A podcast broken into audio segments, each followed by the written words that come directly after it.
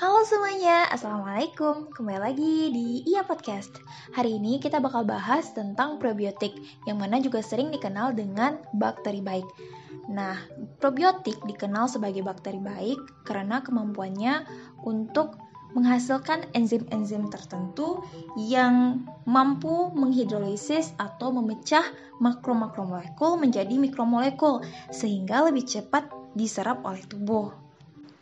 Contohnya, memecah protein menjadi asam amino, kemudian polisakarida menjadi monosakarida, dan sebagainya.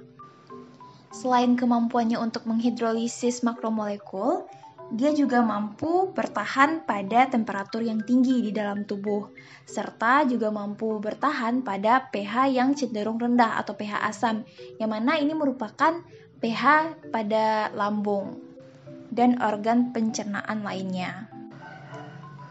Selain itu, probiotik juga mengandung antimikrobial yang mana mampu membunuh bakteri-bakteri patogen.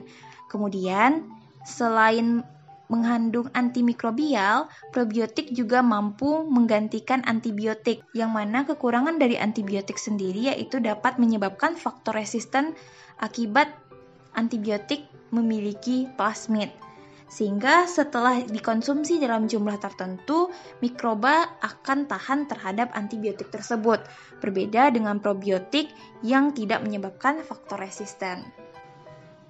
Probiotik juga mampu meningkatkan sistem imun dalam tubuh, dan yang terakhir, probiotik mampu menghasilkan bioaktif peptide yang disebut dengan bakteriosin, yang mana bakteriosin ini memiliki beberapa keunggulan mulai dari bisa digunakan sebagai pengawet alami, kemudian juga dapat menurunkan kolesterol, serta memotong asam lemak menjadi lebih pendek.